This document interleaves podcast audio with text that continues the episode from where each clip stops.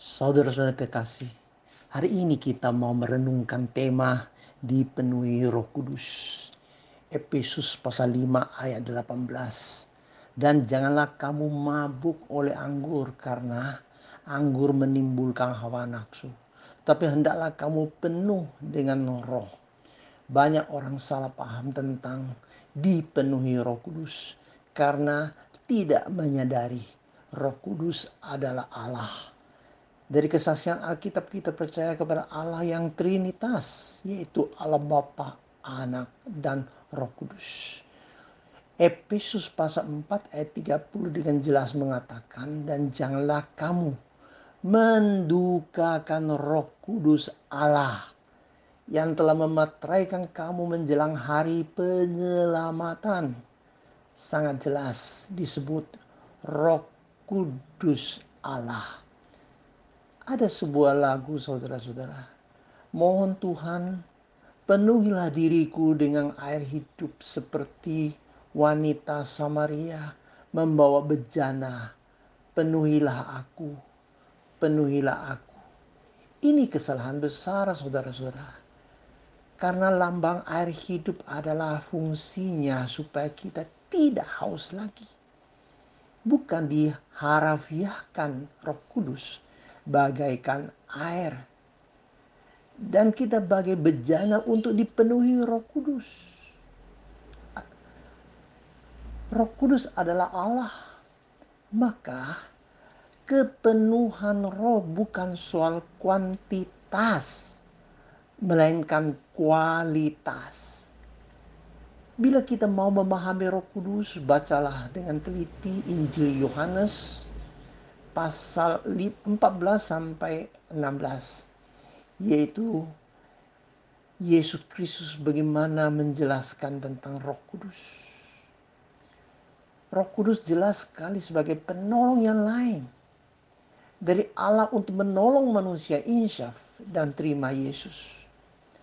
Dari kesaksian Alkitab, Roh Kudus sudah berada ketika pencipta dunia ini Kejadian pasal 1 ayat 2 roh Allah melayang-layang di atas permukaan air.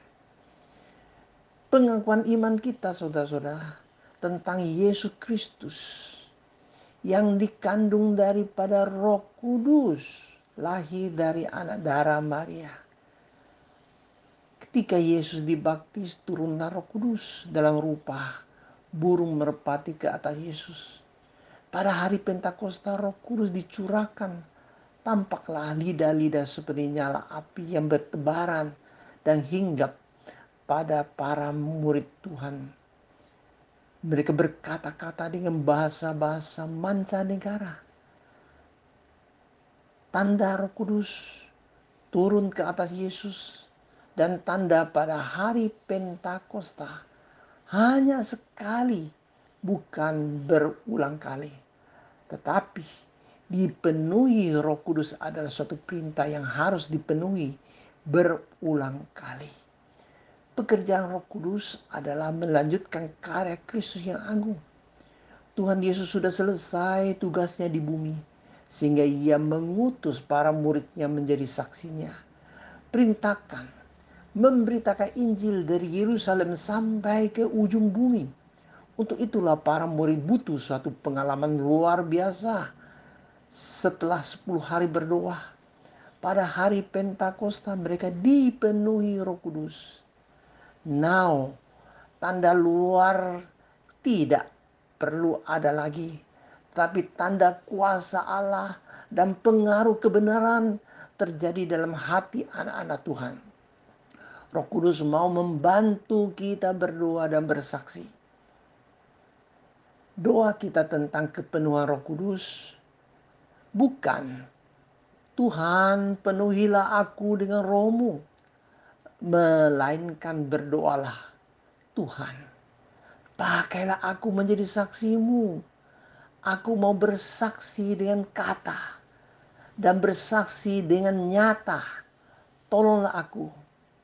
Roh Kudus pasti menolong kita untuk bersaksi. Juga ada doa yang bagus. Tuhan, Aku mau supaya seluruh hidupku bukan hidup untuk diriku, tapi hidup untuk Tuhan. Tuhan, aku mau menyangkal diri dan mau memikul salib untuk ikut Tuhan dengan setia. Tidak perlu meminta kepenuhan roh, namun pasti terjadi kepenuhan roh kudus. Orang yang rindu dipenuhi roh kudus harus rajin membaca Alkitab untuk lebih mengenal Allah dan lebih mengenal kasih karunia-Nya. Kita harus mau sungguh-sungguh taat untuk melakukan kehendak Allah. Khususnya kita mau mengikuti amanat agung Tuhan. Juga mau sepenuh hati mengasihi Tuhan. Niscaya roh kudus memenuhi diri kita. Sikap terhadap dipenuhi Roh Kudus dalam bahasa aslinya adalah pasif imperatif. Boleh saja kita dengan aktif berdoa, Tuhan, aku mau dipenuhi rohmu.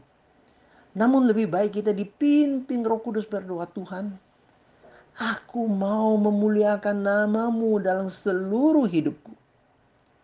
Dan sangat indah bila kita dipimpin Roh Kudus berdoa seperti Yesus berdoa. Allah Bapa, jadilah kehendakmu, bukan kehendakku. Orang berdoa dipimpin Roh Kudus, pastilah dipenuhi Roh Kudus. Amin.